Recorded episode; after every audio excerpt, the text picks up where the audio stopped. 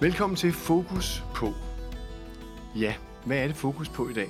Det er både en præstegærning og et yogastudie. Velkommen til dig, Camilla Buch.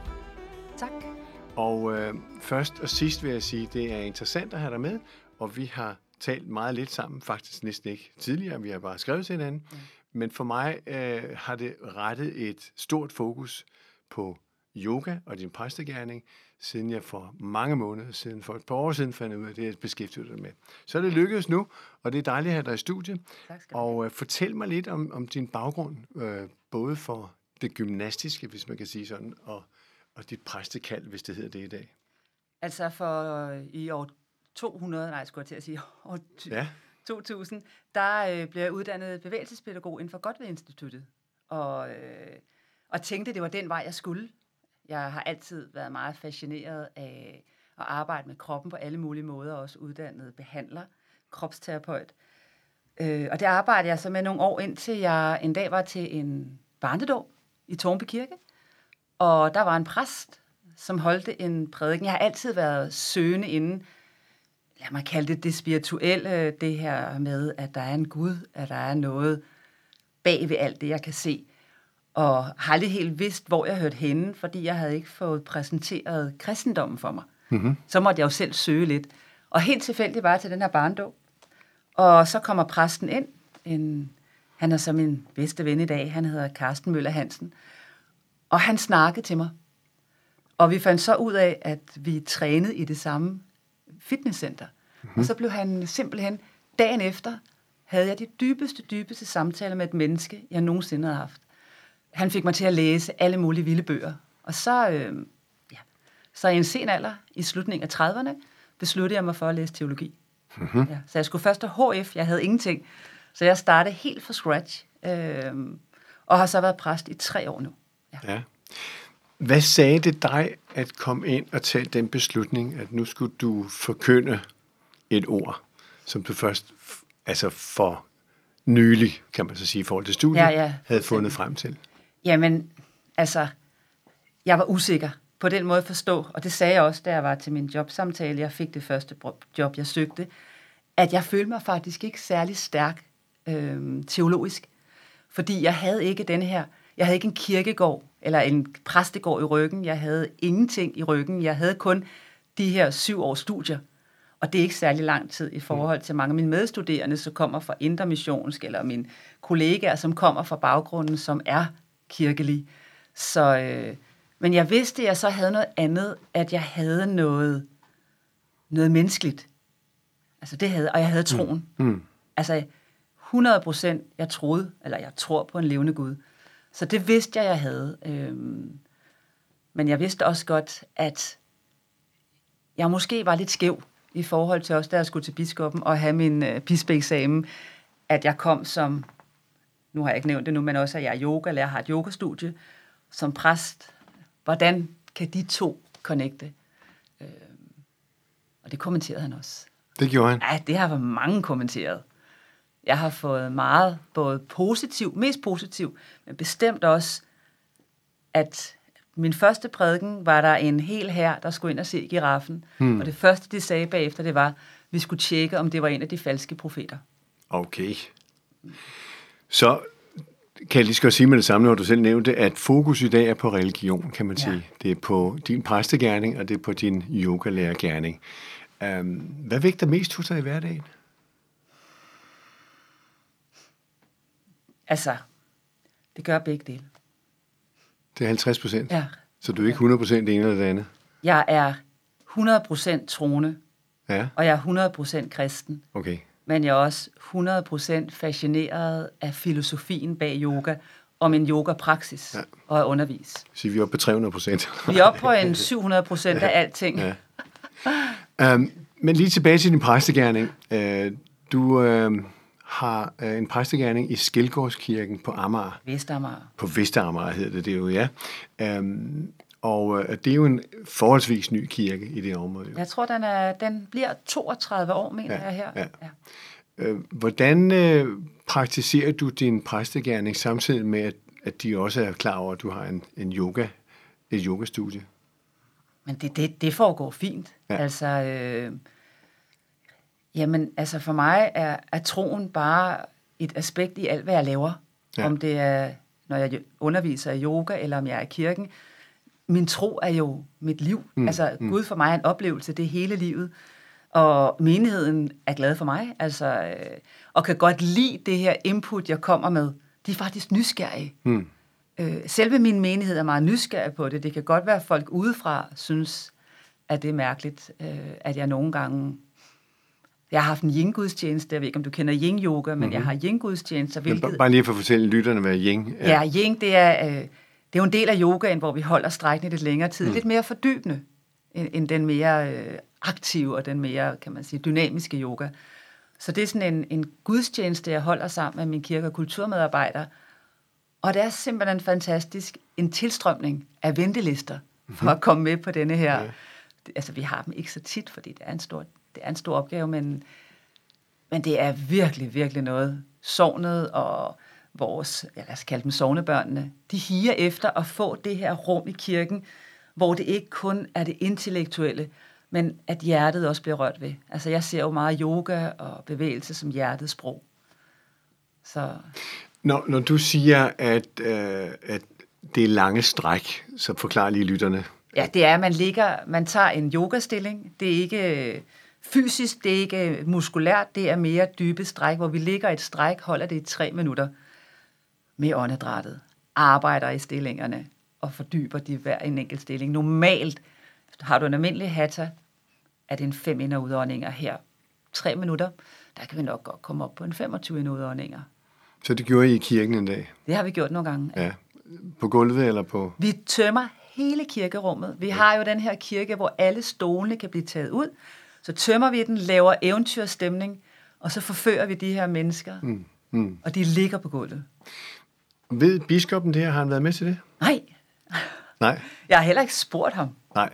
Men jeg er helt sikker på, at han vil synes, at det er godt. For jeg kan huske, at han sagde til mig til bispeeksamen, at det er ikke, kan man sige, det sekulariserede samfund, dem udenfor, der skal møde kirken, men det er kirken, der skal møde dem. Mm.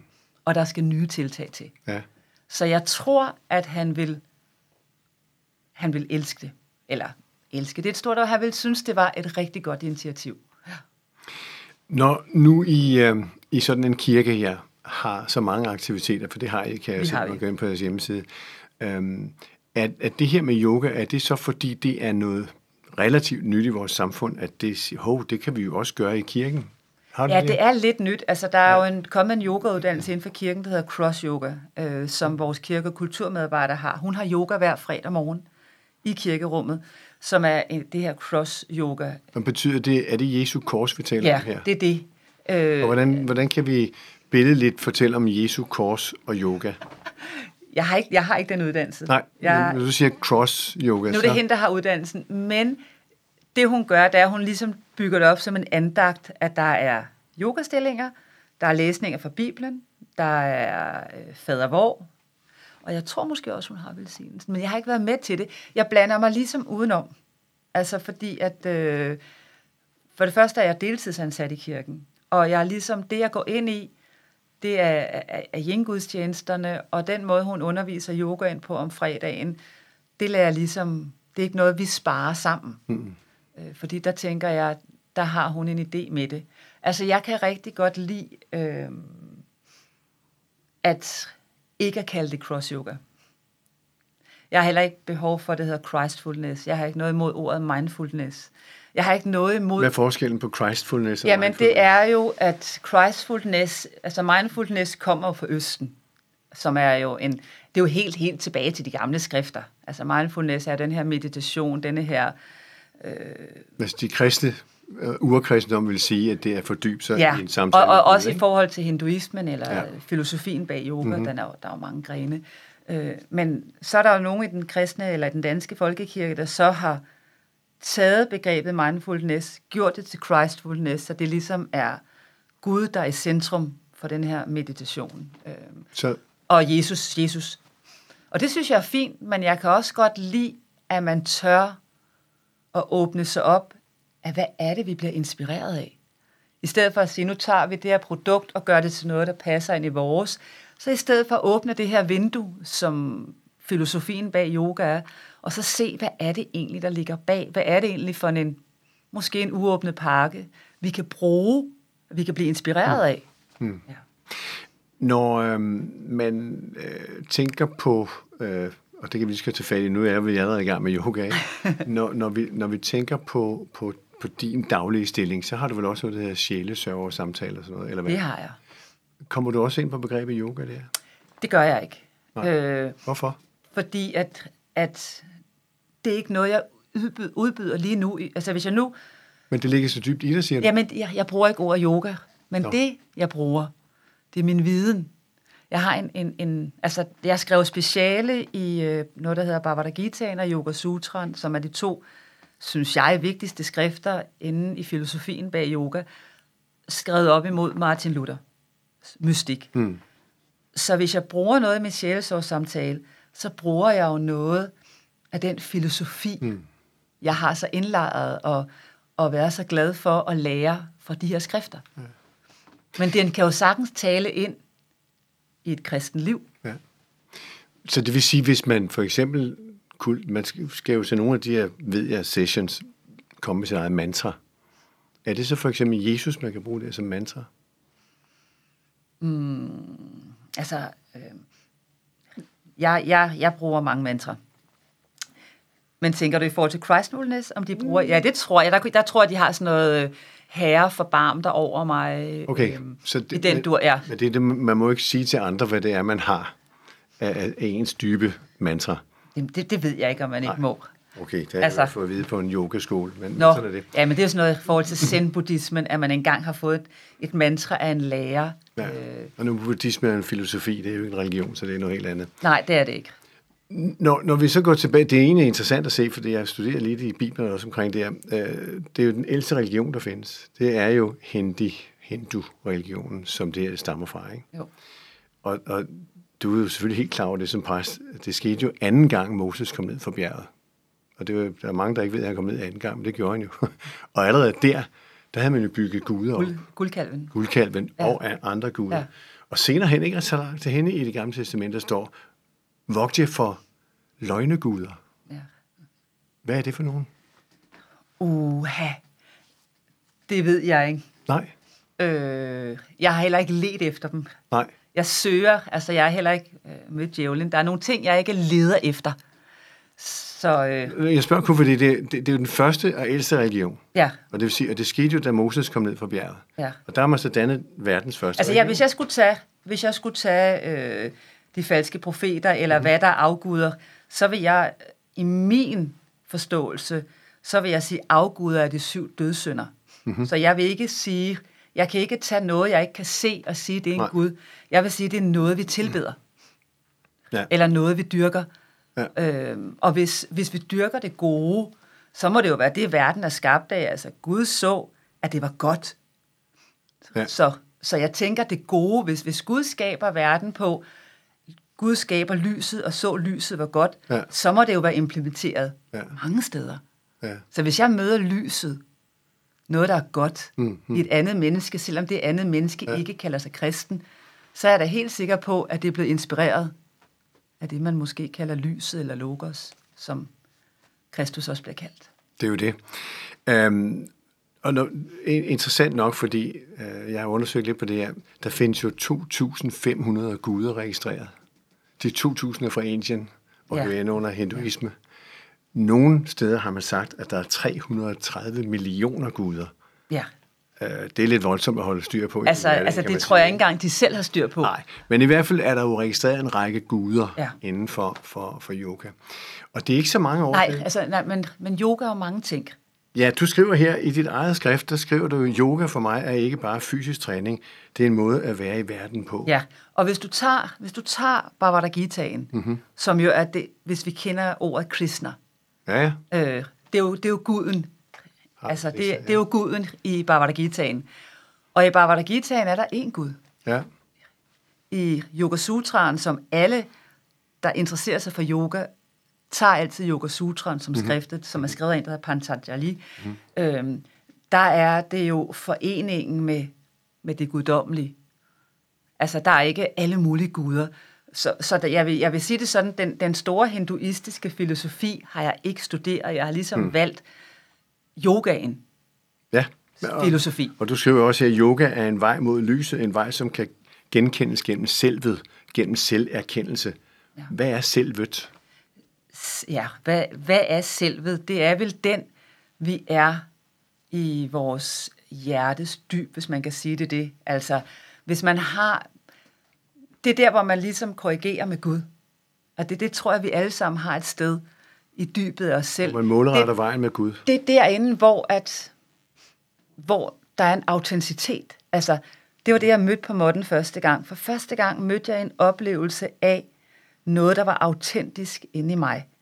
Og den vil jeg bare have mere af. For når man først har mærket det sted, så får man altså lyst til at mærke mere af det.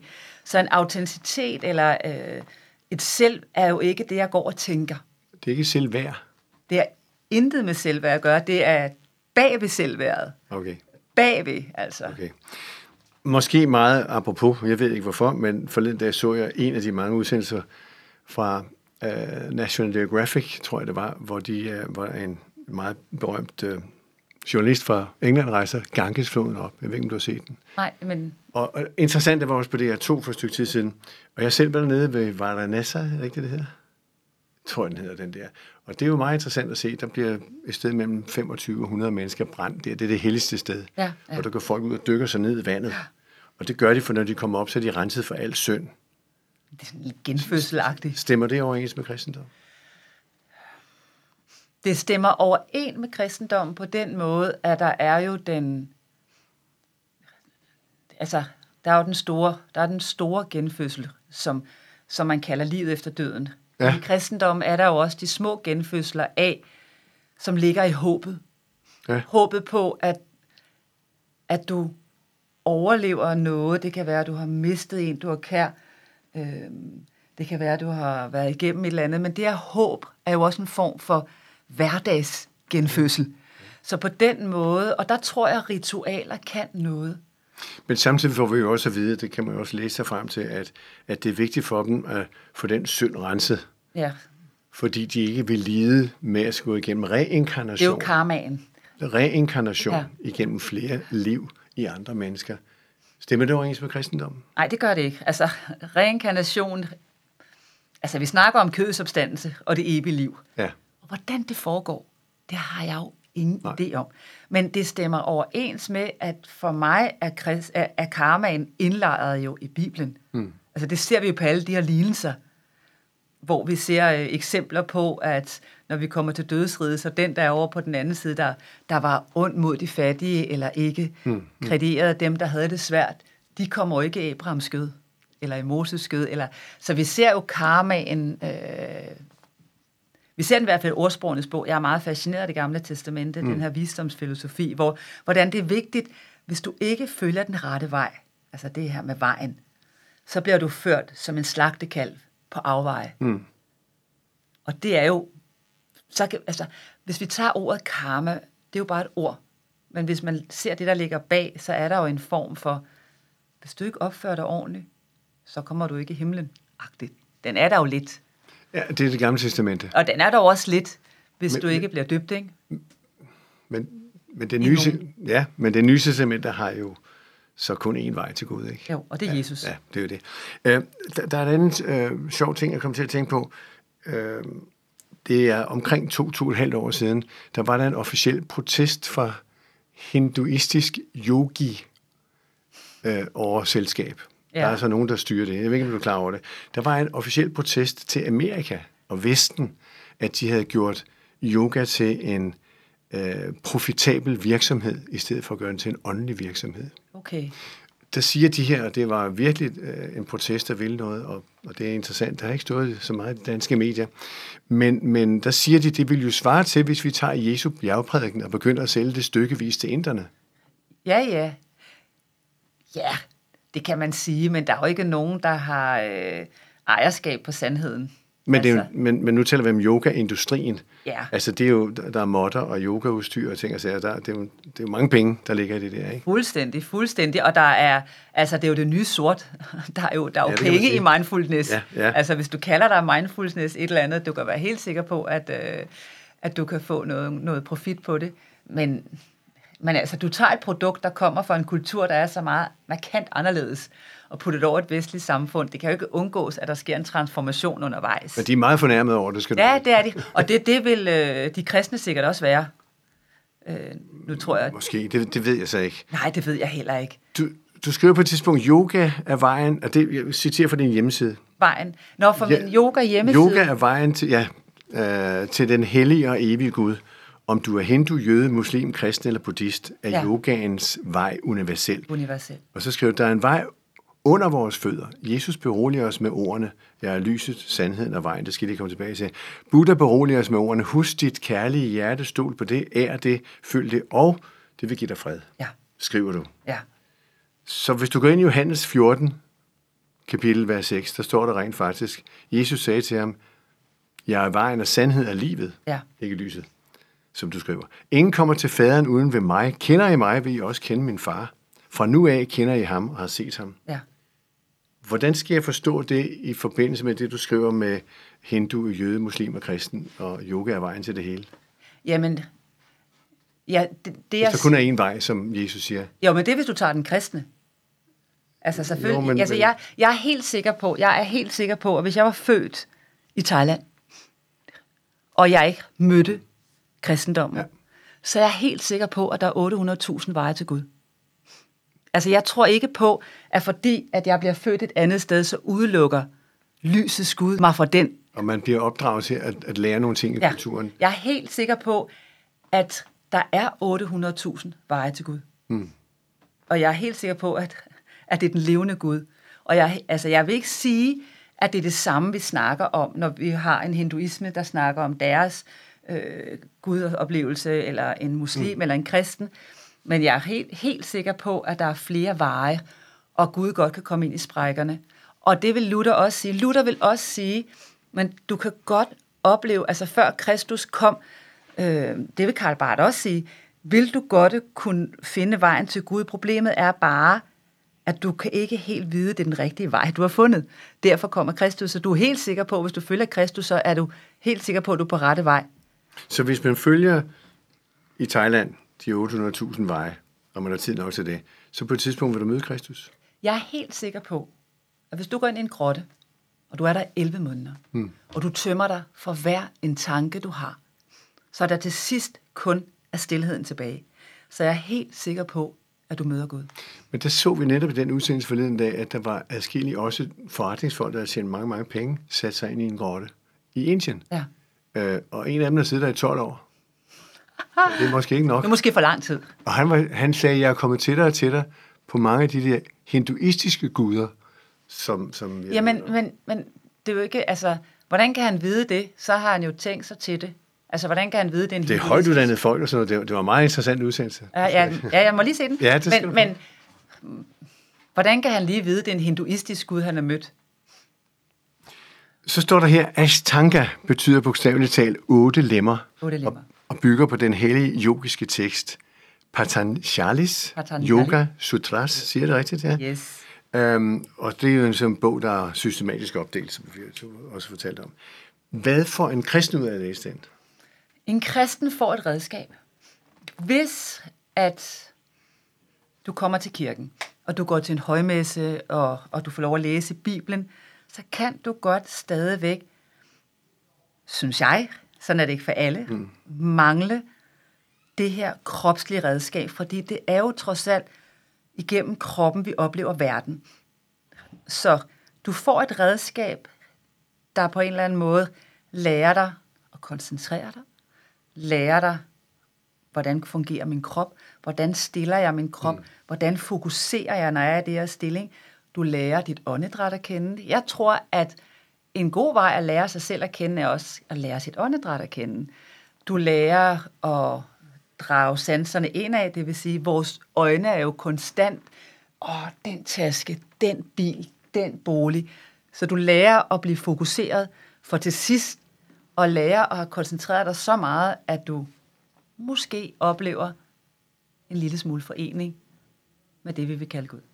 Nu taler du om, om ånd, som er væsentligt for os at leve af. Det gør vi jo hele tiden, vi ja. trækker vejret, ikke?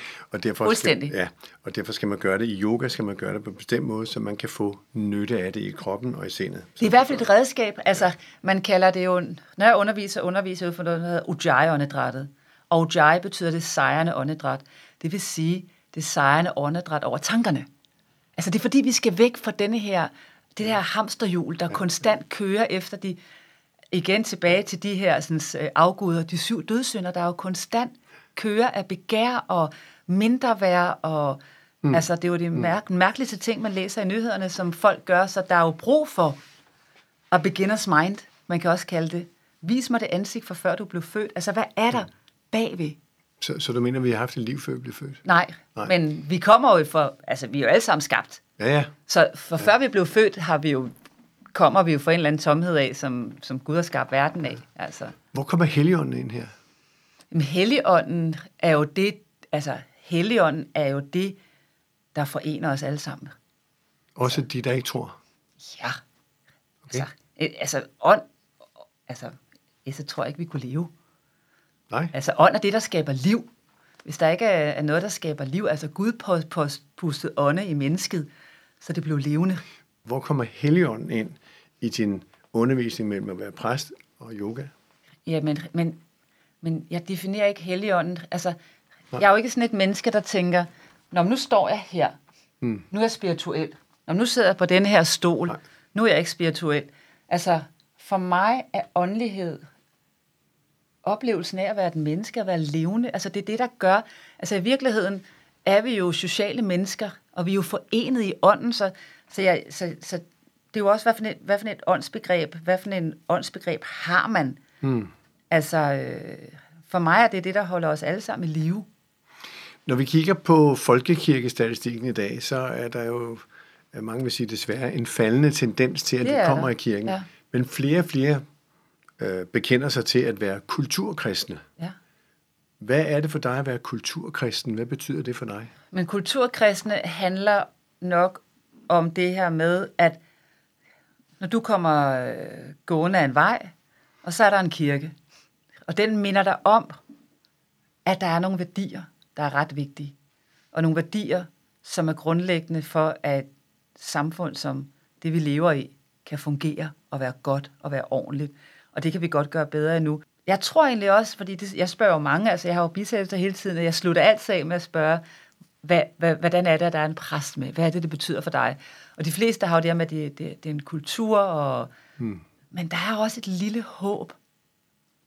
Altså, og når, vi, når kirken står der, og bliver ved med at stå der, så er det fordi, vi har et håb om, at der kunne jo godt være. Vi kan ikke bare ødelægge det og lave et, en højbygning hmm. der, hvor kirkerne står. Paulus siger jo et sted, har jeg undersøgt her, der står jo, at tro er fast tillid og overbevisning til ting, vi håber og ikke ser. Ja. Er det det, du tænker på? Jeg kan jo ikke sige, hvad hver enkelte tænker. Nej. Jeg tror, der er mange delte. Der er også øh, er, det mange... tro, er det tro for dig? At have den Paulus øh, udlægning? Det, man ikke kan se. Det står der i hvert fald. Det, vi ja, ja, på. det er det jo. Altså, det, det er jo i hvert fald den, ja. den nemme version at forklare tro på. Når nu vi så øh, lytter til dig og dine mange meget flot indisk udtalte øh, ord omkring det, der foregår det her. Kan det så være lidt det samme, der... Der er mange, der kommer til yoga. Lad os slå det fast til stigende antal. Men der er også mange, der siger, jamen, vi forstår jo ikke helt, hvad der bliver sagt, der foregår. Er det lidt det samme, der foregår i folkekirken? Det, der bliver sagt nogle ting, og nogle ja. tal, det er jo bispeligt vedtaget, hvad der skal siges. Og det holder jo nogle folk fra at sige, jamen vi forstår det ikke, og de tænker på at tage mobiltelefonen frem. Det må de så nok ikke i et yogastudie. Men, men hvorfor, hvorfor danskificerer man ikke nogen af alle de her? Altså for det første er det jo rigtig, rigtig fedt, at jeg har studeret hos rigtig mange øh, udenlandske, mm-hmm. lad mig bare kalde dem gurus eller lærere, og jeg synes, det er fedt, at vi snakker samme sprog. Trikonasana, Paravita Trikonasana, så ved jeg, hvad det er.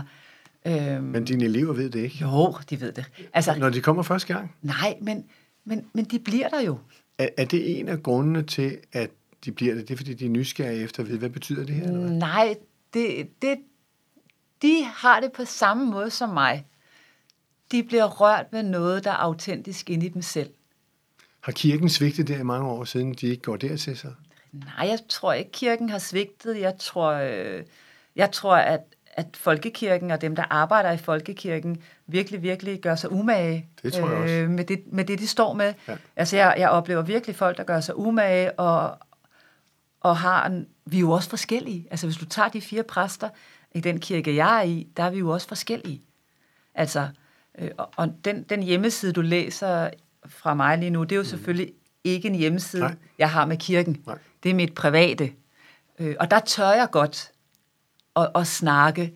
Der tør jeg godt at kigge ud af det ene vindue og det andet vindue. Altså, jeg synes jo, for at lære mm. et, en, en tro at kende, eller en filosofi at kende, er du nødt til at gå over og kigge ud af den andens mm. vindue. Du kan ikke bare sidde herovre og sige, ej, øh, yoga, det er også øh, det er afgudstyrkelse, det er det onde, for det får jeg at vide. Men vær nysgerrig og gå over og kigge, mm. jamen hvad er det? Vi er nødt til at kigge ud af en andens vindue. Så jeg, jeg synes ikke, folkekirken har svigtet overhovedet, øh, men, men jeg synes, at det er rigtig godt, at der kommer sådan en som mig. altså ej, det, det synes jeg lidt. Øh, har du fået nogen af dine kirkegængere til at komme til yoga? De er faktisk begyndt. Altså i sidste uge var der en, der kom, fordi hun havde noget fibromyalgi, noget andet i kroppen, og, og jeg henvendte mig hen til min kollega. Jeg har et yogacenter, vi har to yogacenter, mig og min veninde. Og så kom der en anden en fra kirken og sagde, Camilla, du skal lære mig at trække vejret. Mm-hmm. Får du nogen fra yoga-lejren det kan sagt, i kirken? Ja. Ja? Det gør jeg. Hvad siger de til at komme i kirken lige pludselig? Øhm, de er meget positivt overrasket.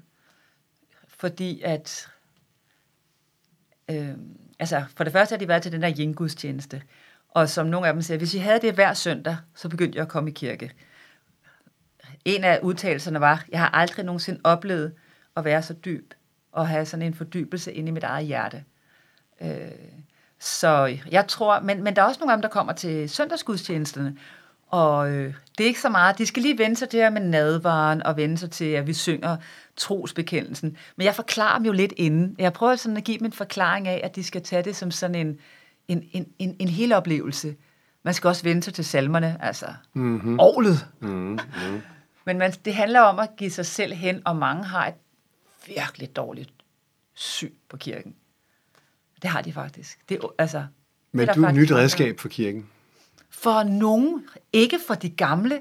Altså, der er jo til skræk. Altså, der er jo... De gamle er det mig? ja, altså det er helt klart nogen som dig. Det er dem, der har siddet der i mange år, mm. og de kan sige, hellig, hellig, hellig er Herren. De kender, de kan bare sidde og kan det hele. Mm. Og så kommer der sådan en som mig. Øh, jeg er helt klar til frygt for dem. Mm. Altså, de kommer heller ikke til mine højmesser, fordi mm. at de er nok stadig usikre på, om jeg er en af de falske profeter. Men i virkeligheden vil du gerne være et redskab for Gud? Jeg er et redskab for Gud. Men for folkekirken også? Ja. Mest for Gud. Men også for folkekirken. Fordi at folkekirken for mig er rigtig, rigtig vigtig. Fordi det er det, vi har, det, det, det, det sted, vi har. Altså, jeg synes ikke altid, den... Vi er jo meget forskellige, så jeg synes stadigvæk, den har nogle mangler. Men jeg synes, det er det bedste, bedste, bedste bud, vi har at gå hen, når vi er virkelig, virkelig... Altså, som jeg siger til konfirmanderne, når jeg konfirmerer dem, ud i verden. Altså, I skal ud og leve verden, i, i, i verden og opleve det her livs eventyr. Men den dag, hvor I pludselig står, og verden bare, I farer vildt, og der er mørkt, så er der et sted, I kan vende tilbage til, og få at vide, at I altid allerede er elsket. Og det er kirkerummet. Men altså, det er jo også præster, der forkynder det jo. Jeg, jeg synes, det lyder som om, at procentdelen af kirken stiger højere hos dig pludselig, i forhold til i starten, vi taler om det. Øh... Det er dit udgangspunkt simpelthen. Altså, hvad tænker du? Nej, men du taler meget, meget varmt om, om kirken, og det du er redskab for og gerne vil være for kirken. Ja, altså, øh, jeg vil i hvert fald, øh, ja, selvfølgelig vil jeg det. Altså, selvfølgelig vil jeg det. Jeg er præst. Øh, kirken, det er det, jeg siger, kirken er det allerbedste, og det bedste bud, vi har. Camilla Bukke, præst og yogalærer. Fokus yes. på både kristendom yes. og andre religioner. Men også dig, som du sagde, jeg er vigtig for kirken.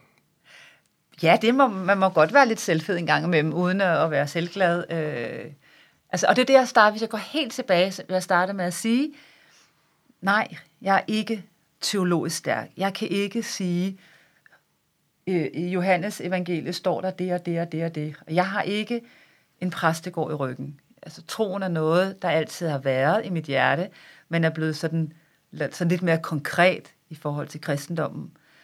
Men, øhm, Men du er på en lang vej, du godt kan lide at være på. ja. Tak fordi du kom og deltog i Jamen selv den tak. her åbne samtale omkring, hvad er, det, vi, hvad er det egentlig, vi møder på vejen en gang Ja, ja, ja. Og så må de klage fra Indien, der er ikke andet for. Nej. Så må vi tage den med og sige, Sådan er det med mennesker. Vi gør det så godt, vi kan. tak fordi du var med i hvert fald.